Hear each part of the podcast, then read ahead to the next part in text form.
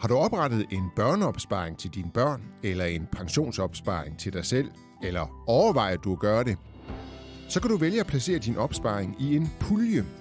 En puljeaftale er en konto, som forrentes med afkastet fra en pulje af værdipapirer med fradrag af omkostninger. Banken vælger værdipapirerne i puljen og er også ejer af værdipapirerne.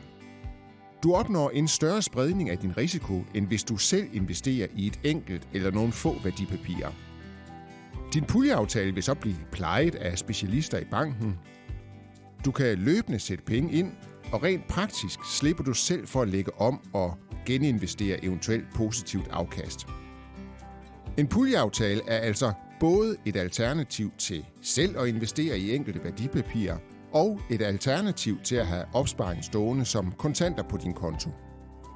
Historisk set har en langsigtet investering i puljer givet et bedre afkast end at have opsparingen stående kontant. Historiske afkast er dog ingen garanti for fremtidige afkast. Der er også en risiko for negativt afkast, så din puljeaftale bliver mindre værd.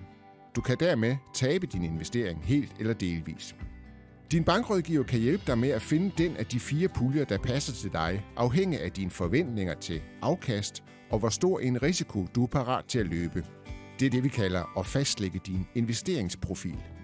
Hvis din holdning til risiko ændrer sig hen ad vejen, kan du altid træde ud af puljen eller skifte til en anden pulje med mere eller mindre risiko uden yderligere omkostninger.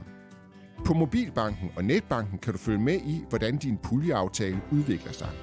Du kan løbende sætte flere penge ind, som så bliver forrentet med puljeafkastet, der bliver tilskrevet en gang om året.